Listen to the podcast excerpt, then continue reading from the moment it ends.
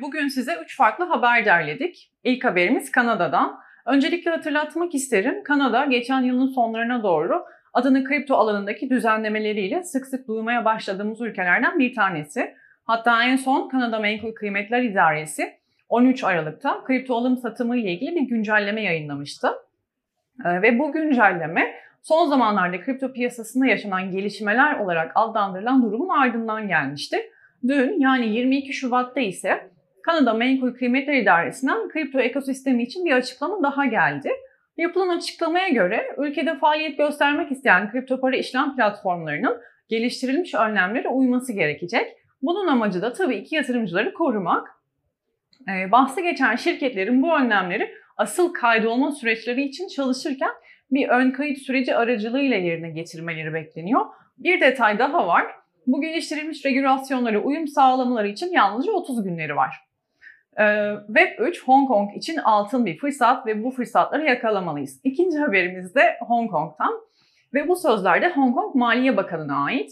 Çıkan haberlere göre Hong Kong'un Web3 hedefleri için gündemi belirlemek üzere bir çalışma grubu kurulacak.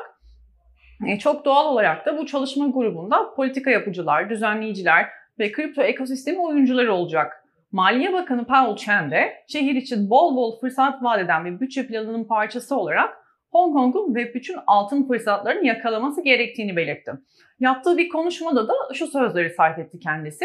Bir sonraki adımda sektörün sürdürülebilir ve sorumlu gelişimi konusunda tavsiyelerde bulunmak üzere ilgili birimler, düzenleyiciler ve piyasa katılımcılarından üyelerle birlikte sanal varlıkların gelişimine ilişkin bir çalışma grubu kuracağım ve buna ben liderlik edeceğim. Kendisi bu sözleri söyledi.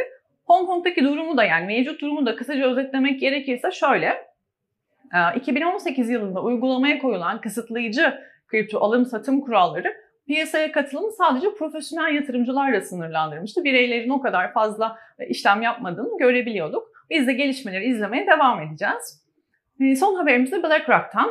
Yatırım devi BlackRock Metaverse temalı bir ETF sunuyor ve bu konsept yani Metaverse konsepti son boğa piyasasında oldukça popüler hale gelmişti.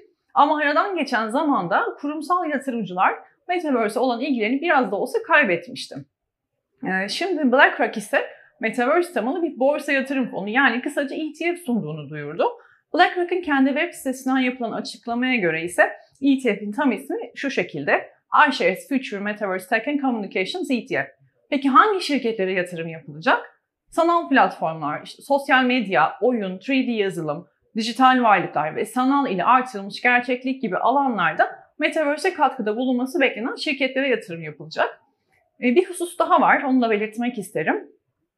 KPMG'nin yakın zamanda yaptığı bir ankete göre Metaverse'in inşasına yönelik genel tutumlar hala karışık olmaya devam ediyor. Yani ne demek istiyorum?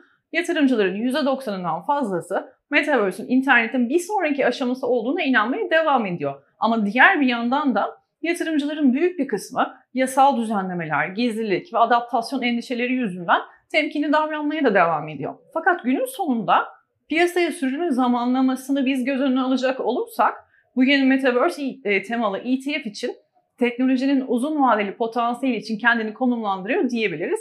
Bugünlük bu kadardı. Çok teşekkür ederim. İyi yayınlar diliyorum.